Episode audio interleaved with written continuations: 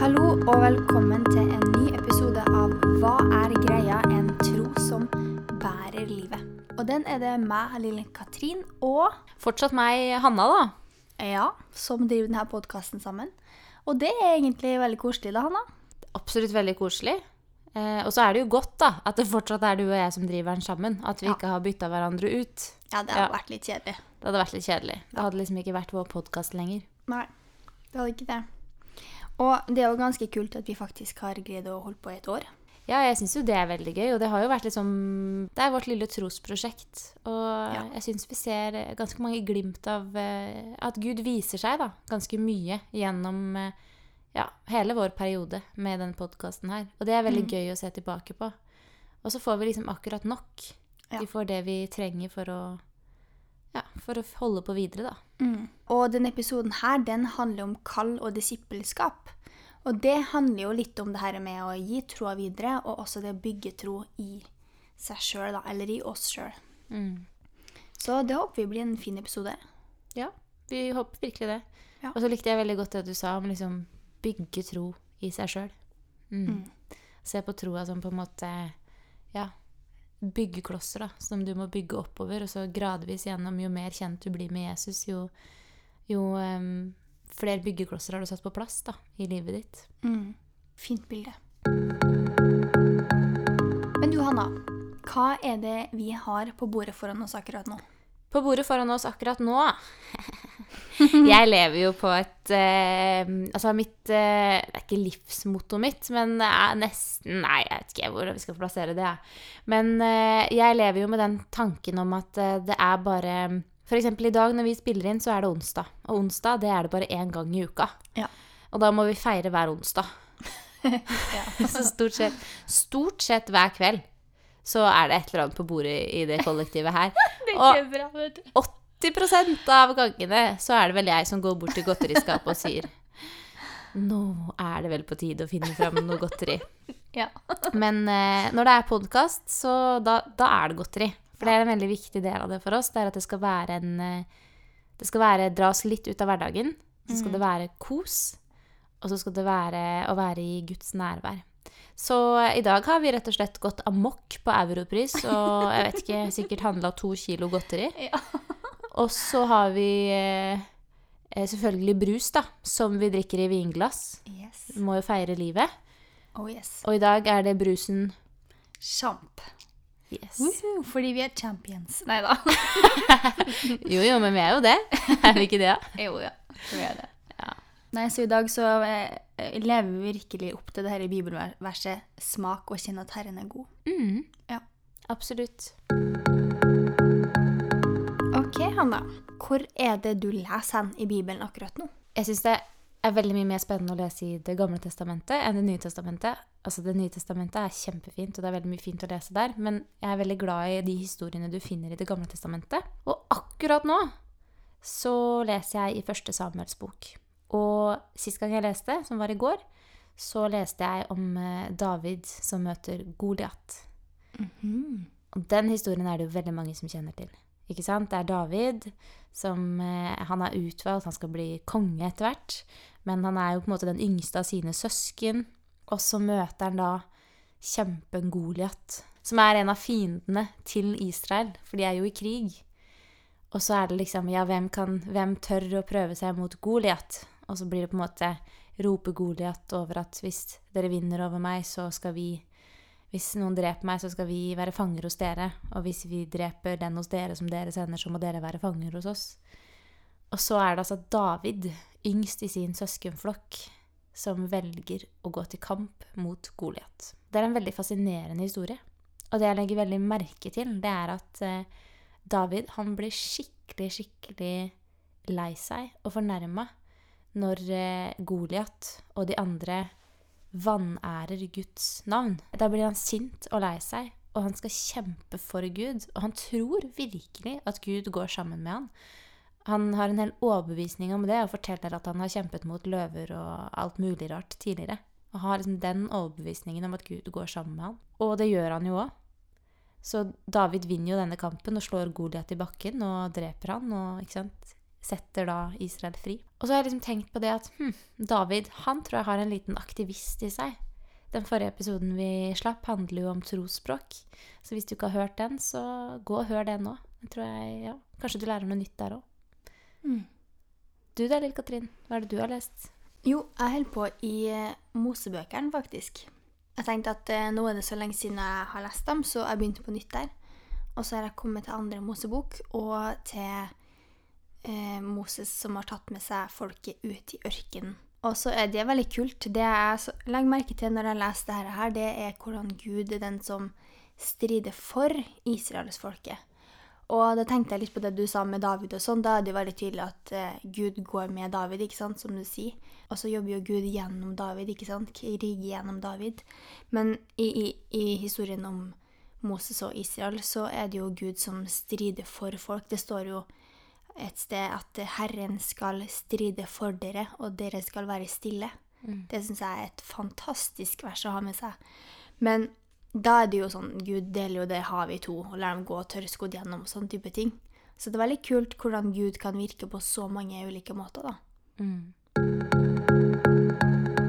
Og apropos det her med Gud virker på forskjellige måter, så er jo en del av det å være en disippel, det er jo å la Gud bruke seg sjøl, men også det å bli bedre kjent med Gud.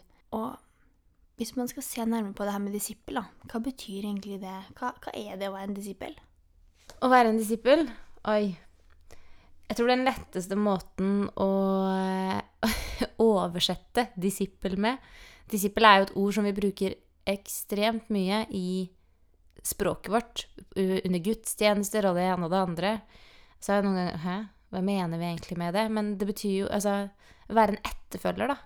Ja. Være en som følger etter. Ja, og det at det betyr å være en etterfølger, er jo kanskje ikke så rart. Eller at vi kan oversette det da med å være en etterfølger, er kanskje ikke så rart. Fordi at eh, det er jo én ting som Jesus sier til disiplene når han kaller dem, og det er jo 'følg meg'. Det er ikke noe de skal gjøre. De skal bare slippe det de har i hendene, og følge han. Og så la han lede dem gjennom livet, og så vil han vise dem hvordan de skal leve sine liv, da. Ja. Kult. Ja, jeg tenker også på det ordet som er lærling. At eh, ja, jeg går rundt og tenker på meg sjøl at jeg er lærlingen til Jesus. At det er ikke Jeg trenger ikke å bli fullt utlært, men det å bare få være en lærling, da, det er en som er underveis, ikke sant, det syns jeg er veldig fint. Altså, det er så kult. Hun som er den nye generalsekretæren i Misjonskirken Norge, heter Siri Iversen, og hun har en T-skjorte. Det er egentlig Anska bibelskole som har laga T-skjorta, men hun bruker den veldig ofte. Hun har en bilde av en T-skjorte der det står 'disippel', og så er den L-en forma som en sånn øvelseskjørings-L. Og det syns jeg er litt kult, fordi at for meg så forklarer det bare veldig enkelt og konkret hvordan det er å være en disippel. Det er en som er under opplæring. Og det at vi kan få lov til å vite at eh, vi er under opplæring, det gir meg egentlig litt sånn trygghet og også frimodighet. Fordi at jeg vet at jeg er ikke ferdig utlært. Og det, jeg vil kunne alltid lære mer, men jeg kan allikevel noe, hvis du skjønner. ja. Det tror jeg er en god, eh, god refleksjon å ta med seg, da. Ja. Også det som er litt kult med det her disippelbegrepet, da, det er, jeg vil si at det handler om en nær relasjon til Jesus, eller å få en nær relasjon til Jesus. Og så tenker jeg at det kan være forskjell på det å være kristen, og på det å ha en nær relasjon til Jesus og kjenne Jesus. Fordi at når man har en nær relasjon til Jesus, så kjenner man han, da vil man gjøre det som Gud legger på hjertet ditt. da. Vi vil følge Jesus av hele vårt hjerte. Mens en kristen, hvis man bare sier at man er kristen uten å kjenne Jesus sånn ordentlig, så tror jeg man får veldig mye av det ytre, men kanskje ikke så mye av den, det indre livet, da, den gode, nære relasjonen til Jesus som han egentlig inviterer oss inn til. Ja, og så tror jeg det med den her nære relasjonen, da, altså det med å søke, søke Jesus, det er med på å styrke deg. Det gir deg en styrke til å være den du er, og til Mm. å stå i de tingene du måtte møte på i livet, da. For livet er jo ikke Livet er jo ikke for pyser nødvendigvis, ikke sant? At Mm. uh, livet kan være hardt og brutalt til tider.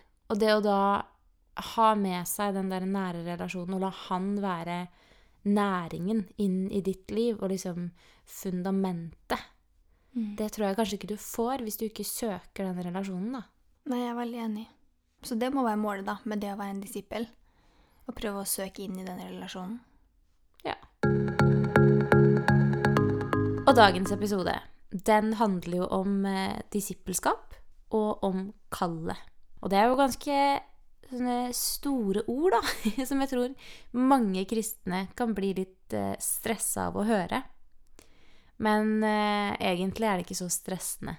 Og vi har jo som vanlig et eh, bibelvers som vi ønsker at skal være dagens bibelvers, og det skal du få lov til å lese nå, Lill Katrin. Ja, og det står i Salme 86, vers 11. Herre, lær meg din vei, så jeg kan vandre i din sannhet. Gi meg et helt hjerte, så jeg frykter ditt navn. Og det verset her, det elsker jeg. Det har jeg faktisk hengt opp på kontoret mitt på Hellemyr, fordi at jeg bare elsker det verset. Det er en sånn ærlig bønn. Herre, lær meg din vei, så jeg kan vandre i din sannhet. Vakkert, syns jeg. Når du leste det bibelverset, så tenker jeg jo at eh, det er litt hjertet av disippelskap, og litt hjertet av kallet. Det handler om at vi skal få lov til å være den som vi er skapt til å være, da. Mm. Eh, den som Gud ønsker at vi skal være. Ja. Det er litt de tankene jeg fikk rundt det verset, i hvert fall. Ja. Men Lill Katrin, hva tenker du på når, eh, når du hører ordet kall? For det er jo en viktig del av denne episoden her. Ja. Jo, først så tenker jeg litt sånn Ofte i kristne kretser så snakker man om at man blir kalt til noe. Man blir kalt til en tjeneste, man blir kalt til Gud til et eller annet. Og så tror jeg virkelig at Gud har et kall for hver eneste person. Men jeg tror ofte at vi kan snakke litt for stort om det, litt for komplisert. Fordi jeg tror først og fremst Gud kaller oss til fellesskap med Han. Til å ha en relasjon med Han. Og så tror jeg virkelig på at noen mennesker får et sånn spesielt kall til en type pastortjeneste, f.eks. Til å dra ut som misjonær, til å starte en kirke, sånn type ting. Men jeg tror òg at eh, kall kan eh, se så forskjellig ut, da. Og det tror jeg kanskje er litt viktig at vi snakker om. Det tror jeg, i hvert fall for de yngre som hører på. Ja. Og kanskje for noen av de voksne òg. For jeg tror at det er mange temaer vi ikke Vi er ikke så gode på definisjoner nødvendigvis i kirka. Jeg mener i hvert fall det, da. At vi kunne tjent på å definere ting mer. For å på en måte gjøre, ufarliggjøre det. Men jeg husker når jeg var liten, så hadde jeg en veldig sånn snevert syn på hva et kall var. Da var det liksom bare de som skulle ut i misjon til Afrika, på en måte. De var kalt. Men så tror jeg det er noe veldig som du sier, eller noe veldig sant i det du sier, da, at alle har et kall. Og det kallet, det er først og fremst til fellesskapet. Fellesskap med Gud. Og Gud er jo fellesskap i seg selv. Og så er det på en måte det ultimate fellesskapet. Det er det fellesskapet Gud er i treenigheten. Og så får vi lov til å være en del av det fellesskapet, da. Og det er det Gud kaller oss til. Han kaller oss til å være sine barn. Ja. Og jeg syns det er veldig kult med ei som heter Ingrid Eskilt. Å ja. Ja. Det er en fin dame, det. Ja, hun er så skjønn. Eh, og hun snakker om det her med kall. Og hun har eh, snakka om det altså Vi hørte en episode med, på Ansgar-podden, faktisk. Det var litt gøy. Som handla om det her med kall da, tidligere i dag for å forberede oss. Og hun snakka om det at eh, når folk spurte om hun har blitt kalt, så sa hun nei, jeg har bare fått et spørsmål. Og av og til så kan det være at kallet også kan se ut som et spørsmål. At noen stiller deg et spørsmål. Har du lyst til å være med på det her? Og så kan det vekke noe i oss. Ikke sant? Og det, det syns jeg er kult. Ja, og i, i denne episoden da, til Anskapodden, så tar de også opp det De stiller spørsmålet hvor ofte har du spurt noen om de vil noe, ikke sant? Og det kan jo være en oppfordring hvis du, hvis du eh, hører på og på en måte er ledelse i kirke, eller bare leder en bibelgruppe, eller hva enn det skal være, da. Du kan få en veldig viktig stemme inn i noens liv. Og det at du tør å stille et spørsmål, kan være med på å lede den personen mot sitt kall, da. Absolutt. Men du, Hanna, har du opplevd å få et sånt spørsmål? Eller har du andre opplevelser hvor du har kjent på en sånn kallsopplevelse? Jeg tror jo at eh, om Gud ikke kaller alle til på en måte misjon, da Eller jeg tror i bunn og grunn at alle er kalt til misjon. Fordi at det handler om å gi evangeliet videre, men om det er på en måte til din venn i nabolaget, eller om det er å reise ut, ikke sant. Altså, det ser veldig forskjellig ut, da. Men kirkens kall tror jeg er å være misjonerende. og lede mennesker til Gud. Og så tror jeg at alle får et form for personlig kall. Og så vet man kanskje ikke helt hvordan det ser ut, og så ledes man mens veien er, men, eller mens man går langs veien, da. Men jeg pleier å si det at uh, når jeg flytta til Kristiansand og begynte på Ansgar bibelskole, så var det et kall. Eller eventuelt en ledelse, da. Det kommer litt an på hvordan du ser på det.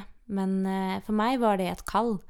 For det var ikke noe jeg ville i meg sjøl. Jeg hadde aldri tenkt at jeg skulle begynne på en bibelskole og flytte så langt for meg sjøl så ung, da. Men uh, så var jeg bare nede på Ansgar et år før, faktisk. Sommerferien et år før jeg begynte på bibelskolen. Og så fikk jeg bare en helt enorm fred. Jeg har ikke kjent på den freden tidligere, og bare en lyst til å bare Oi, tenk om dette her kunne vært hverdagen min. Og så går det et år, og så har jeg friår, og så søker jeg på bibelskolen, og så blir det kjempestort for meg. Og så er jeg her, da. på fjerdeåret mitt i Kristiansand, og er på sisteåret på en bachelor. Og føler i hvert fall veldig tydelig da, at jeg har hatt Guds ledelse gjennom det hele. Det er skikkelig kult. Du da, Lill Katrin? Nei, jeg har vel egentlig opplevd det samme, at jeg kjente en veldig dragning til Ansgar. Veldig, veldig merkelig, for jeg skulle i hvert fall ikke gå på bibelskole. Det var helt uaktuelt. Eller jeg kunne gå på bibelskole, det var vel sant, men jeg skulle i hvert fall ikke gå på Ansgar. Og så var jeg på et lederkurs med Misjonskirka Norge, og så bare merker jeg at wow, jeg bare må søke på Ansgar. Og så endte jeg opp der og hadde the time of my life, som jeg bruker å si. Ja. Men nei, det var bare et fantastisk år. Og så siden så har jeg egentlig kjent at Gud bare åpner riktig dør i riktig tid. Og så kjenner jeg at det, det er et slags kall i det å bare kunne gå i den åpne døra, da. Mm. Og det her med kall er jo ikke akkurat noe som er spesielt nytt. Vi kan jo lese mange som har kall i Bibelen. Det er jo veldig mange personer i Bibelen som får et kall. Mm. Vi satt og brainstorma litt i stad. Jeg klarer ikke å si det. Dere får bare tåle at det ikke Ja. Ikke så god i engelsk. Men eh, vi kommer i hvert fall opp med noen navn som vi tenker at dette er ganske tydelig kall. Eh, og det er f.eks. Moses. Så har du Jonah, som kalles til eh, et kjempe Altså, han kalles til å gå til eh, Ninive, og vil virkelig ikke gå dit, fordi at det er som dat... Altså, det er verre enn eh, disse enn IS og sånne type grupper i dag, da. Det var skikkelig, skikkelig farlig. Men kalles de å gå dit, og går motvillig, da. Og så har du Noah og Abraham. Det er jo eksempler. Og så har sikkert du noen eksempler. Ja, sånn som Jesaja og Jeremia, to profeter som har et veldig tydelig kall over livet sitt. Så har vi David, da, som blir salva til konge. Det er veldig sånn tydelig at han blir kalt. Eller han som salver David, peker jo spesielt ut David, han blir kalt. Og Johannes og Peter er jo også to stykker av Jesus sine disipler som blir kalt. Og døperen Johannes selvfølgelig, han har jo også et kall over livet sitt. Og sånn som Samuel og Paulus. Samuel i Gammeltestamentet og Paulus i Nye. Paulus ble virkelig kalt av Gud gjennom tidenes åpenbaring, liksom, midt ute i ørkenen. Mm. Så har vi jo um, kallet til Maria, mamma til Jesus. Ja, og det er et kall som For jeg har vært litt på det at vi må løfte fram litt mer kvinnestemmer i Bibelen. vi er vel egentlig ganske enige på det. Ja. At uh, det kan være fint å løfte fram de litt. Mm. Og det er jo et ganske tydelig kall. Mm. Det står ikke sånn kjempemye om Maria i Bibelen. Men hun får jo besøk av en engel og får beskjed om at eh, hun skal bli med barn. Eh, og hun er jo ikke gift. Altså, de fleste kjenner jo til denne historien. Og man kan jo tenke seg da, å stå i det men allikevel velge Gud. Og velge at ok, men jeg vet at dette vil gjøre det vanskelig for meg. Men jeg velger å gå din vei, Gud, fordi at det vil Du vil bruke meg, og du har en hensikt med det. Det at hun ser det, da, og at hun velger Gud framfor å på en måte Ja, all den stigmatiseringa som hun møter på på grunn av det valget, da. Mm. Hun velger Gud. Han er den viktigste for hun det kallet der og det valget der, det er sånn som jeg bare Wow, liksom. Og så er det jo også Gud lover henne jo ikke at hun skal få et lett liv. Hun vet jo ikke hva det innebærer. Hun vet jo ikke hva det innebærer å skulle bli mamma til Jesus. Og hvordan er det, da, å få et barn som Gud sier at du Dette er et barn du skal få, og han er kjempeviktig. Og så ser du at han dør på et kors. Det er helt vilt å tenke på. Og så er det jo Jesus. Og han er jo Gud inkarnert. Og det betyr jo rett og slett at eh, Gud blir menneske. Han er sendt til jorda, ble menneske. Han tok på seg en tjenerskikkelse og ble lydig til døden på korset, som det står i Filippe brevs hymnen. Ja, det her Jesus sitt kall kommer inn, for Jesus sitt kall er jo kanskje det viktigste kallet i hele Bibelen. Og det er jo hans kall til å frelse hele verden, da. Alle mennesker som noen gang har levd, egentlig, og dø på det korset. Det er jo det hans kall er. Å ta på seg all verdens synd og frelse alle, da. Mm. Og apropos det her med kall og Jesus og sånn, så er det jo sånn at Jesus, han kalte jo sine disipler. Han valgte seg ut tolv stykker som ikke var de kuleste i, gata, men allikevel som Gud så, eller Jesus også, så potensial i. Og når han kalte sine disipler, så sa han 'følg meg'. Mm. Og det sier han både før og etter oppstandelsen. Før så sier han 'følg meg', og så etterpå så sier han også 'følg meg en gang til'. Og så sier han 'slik som Faderen har sendt meg, sender jeg dere', som står i Johannes kapittel 20. Og da går vi over til det her med å være disippel. Hva handler det om? Og da er det jo kanskje lurt å starte med de tolv originale disiplene. Ja, vi studerer jo teologi, så vi har jo noen fag og skriver litt oppgaver og sånn. Og så var det bare jeg som leste i en av disse mm, bøkene som jeg da bruker som eh, bruker til oppgava mi, at eh, i Johannesevangeliet så brukes de tolv fire ganger, mens disippel brukes rundt 70 ganger. Og da peker forfatteren bak den boka nå husker ikke jeg helt hva den heter, den har et litt sånn komplisert engelsk navn. Men han peker i hvert fall på det at ved å bruke disippel, så trekkes jo vi mye mer inn. Vi kan kjenne oss mye mer igjen i det de eh, I disiplene. I dems eh, oppturer, i dems nedturer, i dems gode sider, i dems dårlige sider. Mens hvis det på en måte er de tolv, så blir det veldig sånn Dette er en litt sånn liten elite som gikk med Jesus. Så det er på en måte et litt sånt litterært virkemiddel å bruke liksom At Johannes, altså forfatteren bak Johannes evangeliet bruker da disippelen mye mer enn de tolv, på en måte. Um, Kanskje for å invitere oss inn i teksten? ja, jeg vil tro det. For det er noe med det at når vi leser teksten, så vil vi jo finne ting vi ikke liker ved disiplene. Og så vil vi finne ting vi liker ved disiplene. Og så blir det sånn åh, men jeg vil Jeg vil også tro sånn som den og den klarte å tro på Jesus, ikke sant? Ja, at kanskje at vi kalles litt mer inn mot teksten, da. Mm. Kult. Jeg likte virkemidlet. Og den boka, den legger vi bare ut inn i beskrivelsen på podkastepisoden hvis du vil se hvilken bok det er. Ja. Og så gjorde jeg meg en litt sånn egen refleksjon i stad. Og det er litt det her at eh, jeg tror at disippel har to sider ved seg. Jeg tror det er det personlige, og så tror jeg det er eh, kallet til fellesskap. For det å være disippel tror jeg i bunn og grunn handler om å være tett på Gud, og ønske å gå sammen med Gud, og la Jesus være den som gir deg din identitet. Altså å ha sin identitet i Jesus. Og så tror jeg det også handler om å ønske å gi det videre, det gode man har fått videre, til de vi har rundt oss. Om det er i menigheten blant allerede kristne, om det er til familie, eller om det er til venner, da. Så er det noe med å hjelpe dem med å få en identitet i Jesus, da. Mm. Ja. Det der å følge etter Jesus, se på Jesus og gjøre som Jesus gjorde. Mm. Kult.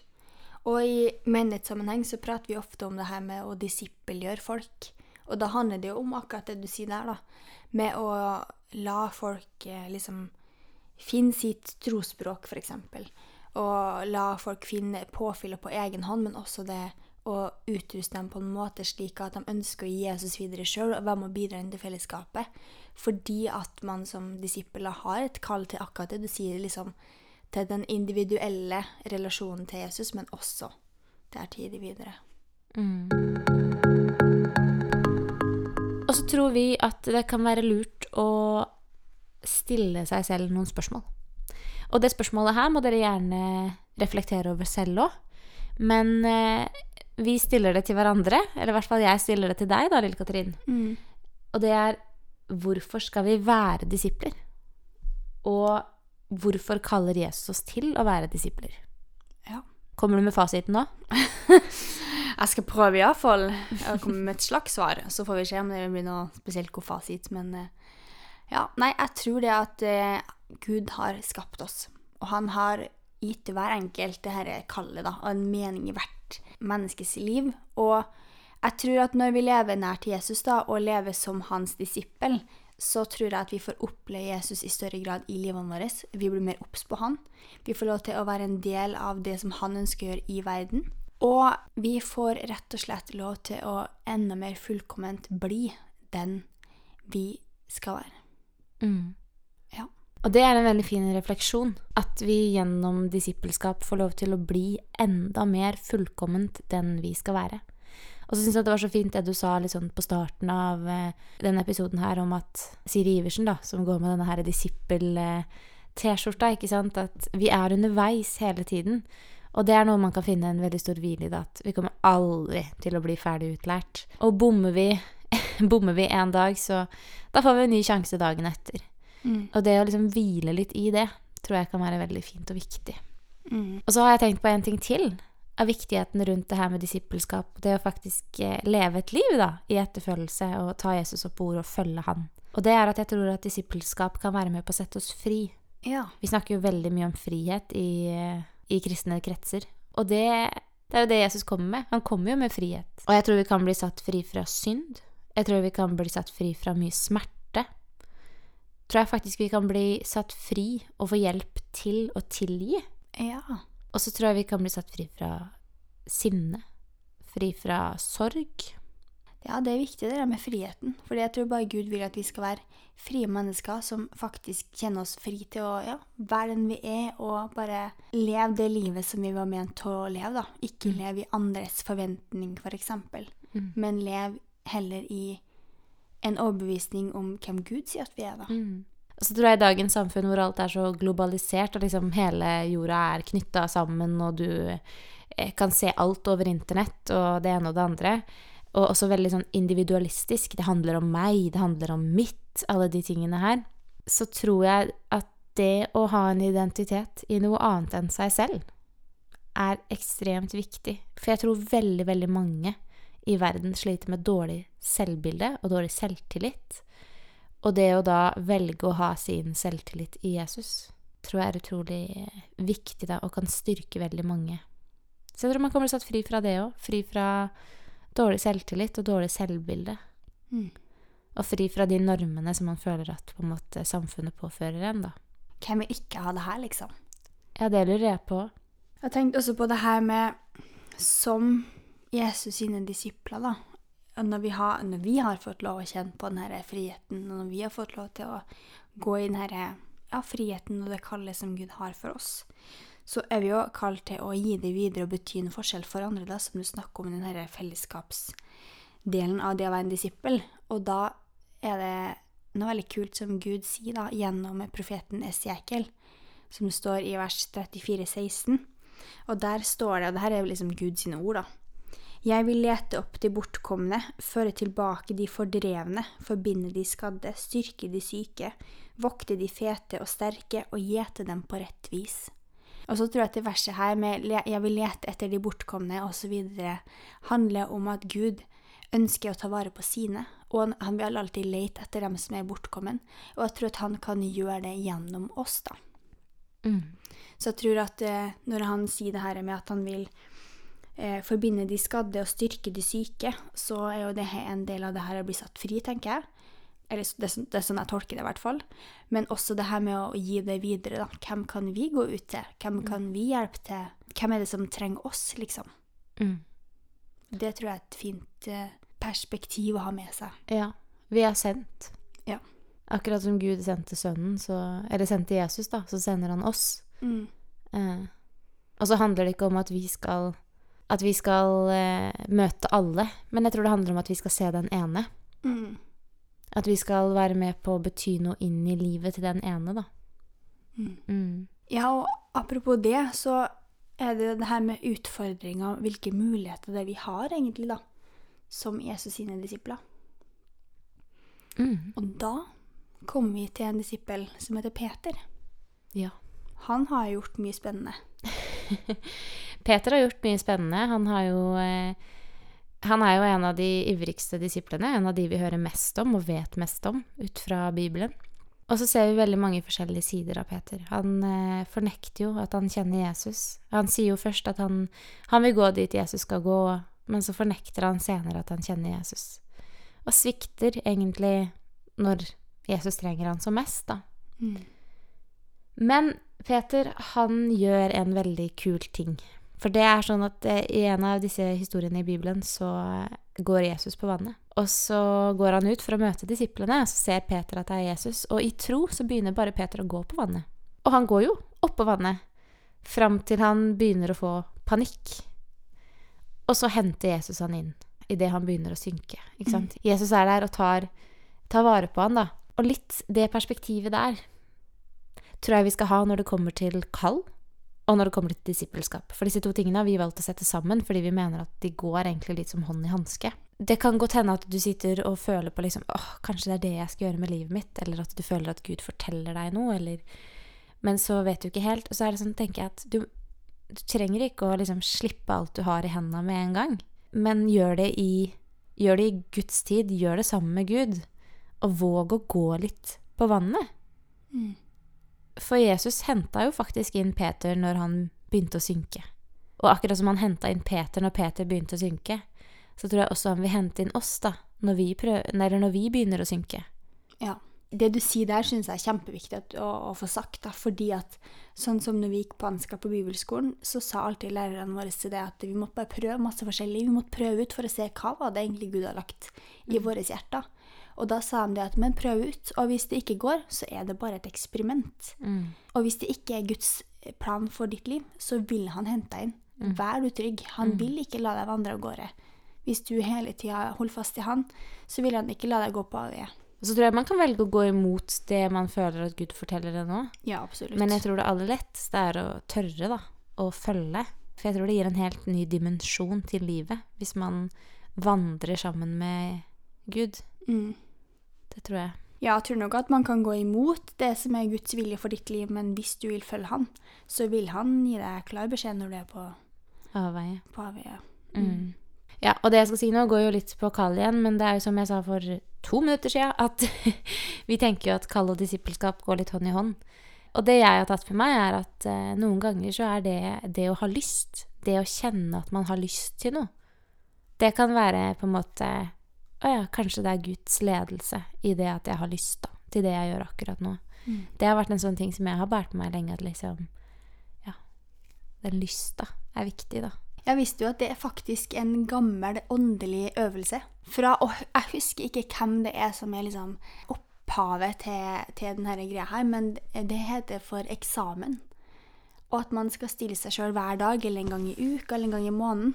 Det her spørsmålet hva gir meg livsmot, og hva gir meg mismot? Og det var det en menighetsrådgiver i Misjonskirka som sa til meg en gang. At jeg skulle prøve å tenke litt på det. da, Hva det var som ga meg livsmot, og hva som ga meg mismot. Fordi at det kunne være med å hjelpe meg å finne ut hva det var jeg skulle bruke livet mitt på. Og det her tror jeg vi hadde om i personlig og pastoral utvikling òg. Ja, med Anne Mai. Mm. ja. Nei, men jeg tror det. At liksom At vi må bare ufarliggjøre det litt. Ja. Mm. Og syns du noe er skikkelig skikkelig fælt å gjøre, så er det nok ikke det Gud skal for livet ditt. Nei. Og når man har blitt disippelgjort, når man har funnet sin identitet i Jesus, og når man har blitt kalt av Gud, da, så skal man leve et liv da, som disippel. Og hvordan i alle dager skal man kunne leve som disippel i dagens samfunn? Det tror jeg er et spørsmål som må tas veldig seriøst. For vi lever, vi lever i et samfunn hvor, hvor jeg tror det er vanskelig å være kristen. Jeg syns jo personlig at det kan være vanskelig å være kristen. Fordi at eh, det betyr at man kanskje har noen meninger som andre ikke deler. Og så vil man møte litt fordømmelse for det. Og det er jo en kamp å stå i, og spesielt som ung så er det vanskelig. For jo yngre du er, jo mindre kjøtt har du på beinet. Ofte. Og det er noe som vi må ta seriøst i dagens samfunn, og noe vi må snakke mer om. Og det å tørre å møte det med å leve sånn man tror Gud ønsker at vi skal leve, da. Det er veldig vanskelig, men jeg tror også det er veldig fint. Og jeg tror også det er sånn at mennesker merker på deg at du er kristen. Og at det ofte har veldig positiv virkning, da. At det er godt. Kanskje er det godt å samtale med deg. Kanskje er det godt De kan godt si at de syns du er rar, eller at det liksom ja, At jeg er sterkt uenig med deg. Altså, hvordan kan du tro på en gud når det finnes så mye ondskap? Altså, det er så mye. Men så tror jeg også at veldig mange som du møter når du snakker med dem én til én, sånn kan få en dyp respekt for deg fordi at du ønsker å leve med Gud, da. Og ønsker å på en måte leve i den sannheten. Og noen ganger tror jeg vi skal snakke og fortelle om Jesus. Men andre ganger tror jeg bare vi bare skal være. Mm. At vi bare skal la det livet vi lever, og når vi lever tett på Jesus, så vil det gjenspeile seg i det livet vi lever. Mm. Noen ganger er det det livet vi lever, som skal få lov til å snakke, uten at vi selv tar så veldig mye til orde. Og andre ganger så skal vi mer forkynne, da, og snakke om Jesus. Kult. Jeg tenker Her kommer jo inn det med diakoni egentlig også, ikke sant? Det med å være Jesu hender og føtter på jorda. Mm. Og uten å forvente noe igjen hvis man hjelper andre, f.eks. Men hvis du får spørsmålet da, hvorfor gjør du det her mot meg, hvorfor er du så snill mot meg? Menigheten vår skal ha gratis dekkskift på lørdag, liksom. Hvorfor gjør vi det? Jo, det er bare fordi vi ønsker å være Guds eh, gode hender og føtter på jorda. Vi har ingen baktanke annet enn at vi vil bare være gode. Og det er liksom bakgrunnen. Jeg tror det er veldig viktig med det du sier der, med bare være av og til. Samtidig så opplever jeg det at at mange faktisk er mer åpne for å prate om tro enn det vi ofte tenker. At jeg vil egentlig oppmuntre folk til ikke være så redd for å snakke med vennene sine om tro. Fordi noen venner er kanskje bare helt sånn Nei, nei, jeg vil ikke. Ok, men ikke press deg på. Men hvis du liksom får en luke, hvis det er noen som sier ja Jeg kalte meg egentlig selv for kristen da jeg var yngre. Jeg hørte på Lisa Børud. Ja, men ok, utforsk det, da. Hva er det egentlig som ligger her? Ikke vær så redd for å ta i det. Ikke vær så redd for å snakke om det. For jeg tror at på den måten så kan vi være med å starte noen prosesser da, Mm. i en andre mennesker sine liv. Ja, å snakke om Jesus og på en måte dele av det gode tror jeg ikke nødvendigvis betyr at du skal gripe mikrofonen i kantina og liksom stå på scenen og fortelle om Jesus. Det, kan, altså det er bare den du er, og de samtalene du får. Mm. Ta, prøv å gripe de sjansene, og så tror jeg alle har flere samtaler vi gjerne skulle tatt, da. At vi gjerne skulle vitna mer for uh, våre venner. Ja, det tror jeg du har helt rett i. Vi må også huske på at mennesker er ikke et frelsesprosjekt. Mm. Men vi skal først og fremst være venner. Og så, hvis Gud vil, så vil han bruke oss til å nå det mennesket med sin kjærlighet. Og jeg tror det er viktig at vi har både ikke-kristne og kristne venner. At vi ikke bare er en kristen boble, men at vi også omgås andre. Fordi jeg tror virkelig dagens samfunn trenger Jesus. Mm. Og du har jo en opplevelse du med, med det her med vennskap og Jesus og sånn. Og det å være kristen. Kan ikke du fortelle den, da? Jo, det har jeg. Jeg har nok Altså, mine venner har alltid visst at jeg er kristen. Så har jeg ikke nødvendigvis snakka så mye om tro med dem, men de har alltid visst at jeg er kristen.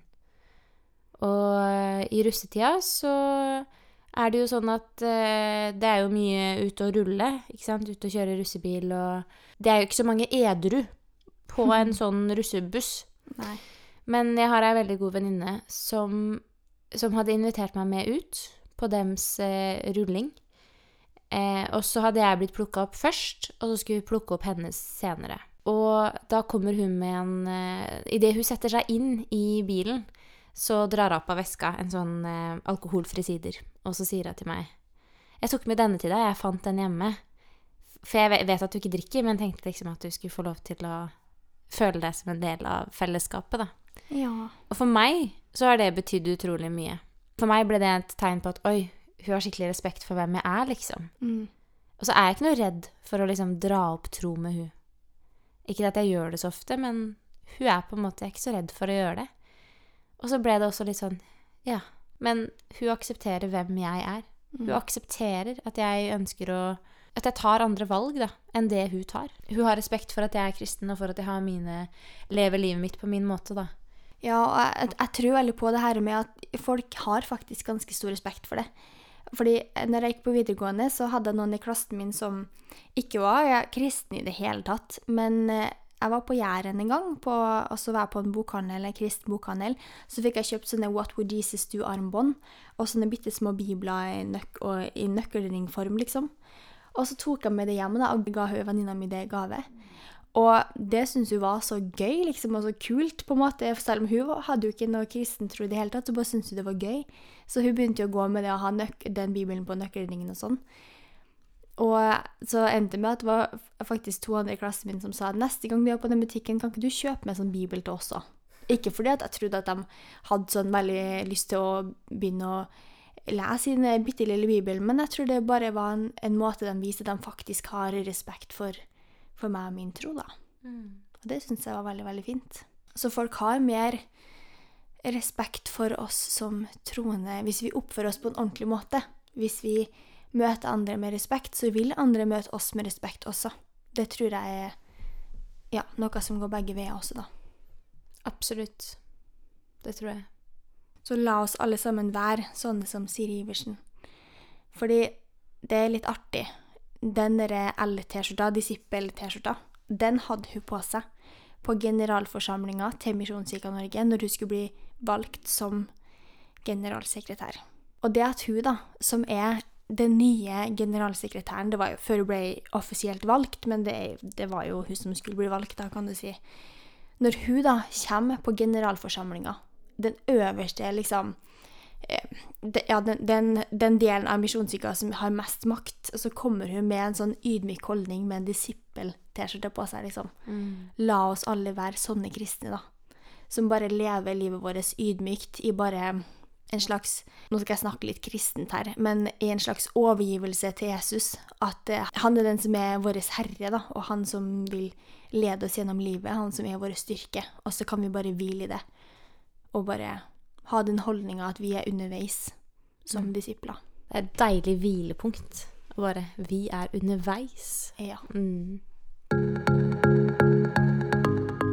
I den episoden her så har jeg og Hanna snakka om det her med kallet og disippelskap. Og hva kallet handler om? Jo, det er jo både herre at Gud kaller alle mennesker inn til fellesskap til seg, først og fremst. Og så kan man også få et sånn kall til en spesiell tjeneste. Men også det man har lyst til. Det som jeg har lyst til, det som han har lyst til, det kan også være en indikasjon på hva Gud kaller oss til. Av og til så kan Kalle bare være et spørsmål, og noen ganger så må man rett og slett gå litt på vannet for å finne ut av hva det er som er kallet vårt. Og det her med å være disippel, det er å være en slags etterfølger eller, eller en lærling. Og det er jo også noen gode ord å bruke på det.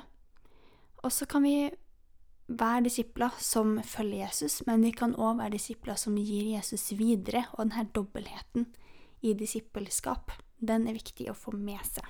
Og gjennom det å være en disippel og bli fri, så blir vi enda mer fullkomment den vi skal være. Og det er veldig, veldig fint.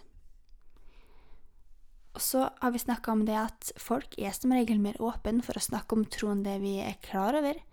Så la oss alle sammen bare gå ut nå og bare øve oss på å snakke med dem vi er glad i, og andre mennesker som vi møter i vår hverdag, om tro. Vi skal ikke presse oss på, men heller ikke ikke tør å ta den sjansen. For kanskje er det en åpen dør der. Og nå helt til slutt så vil Hanna lyse velsignelsen over oss. Herren velsigne deg og bevare deg. Herren la sitt ansikt lyse over deg og være deg nådig. Herren løfte sitt åsyn på deg og gi deg fred. Så takk for at du hørte på dagens episode. Håper du ble litt utfordra og klarte å gå ut i verden. Og ta med deg Guds velsignelse. Mm. Oh yes. Ha det bra. Ha det!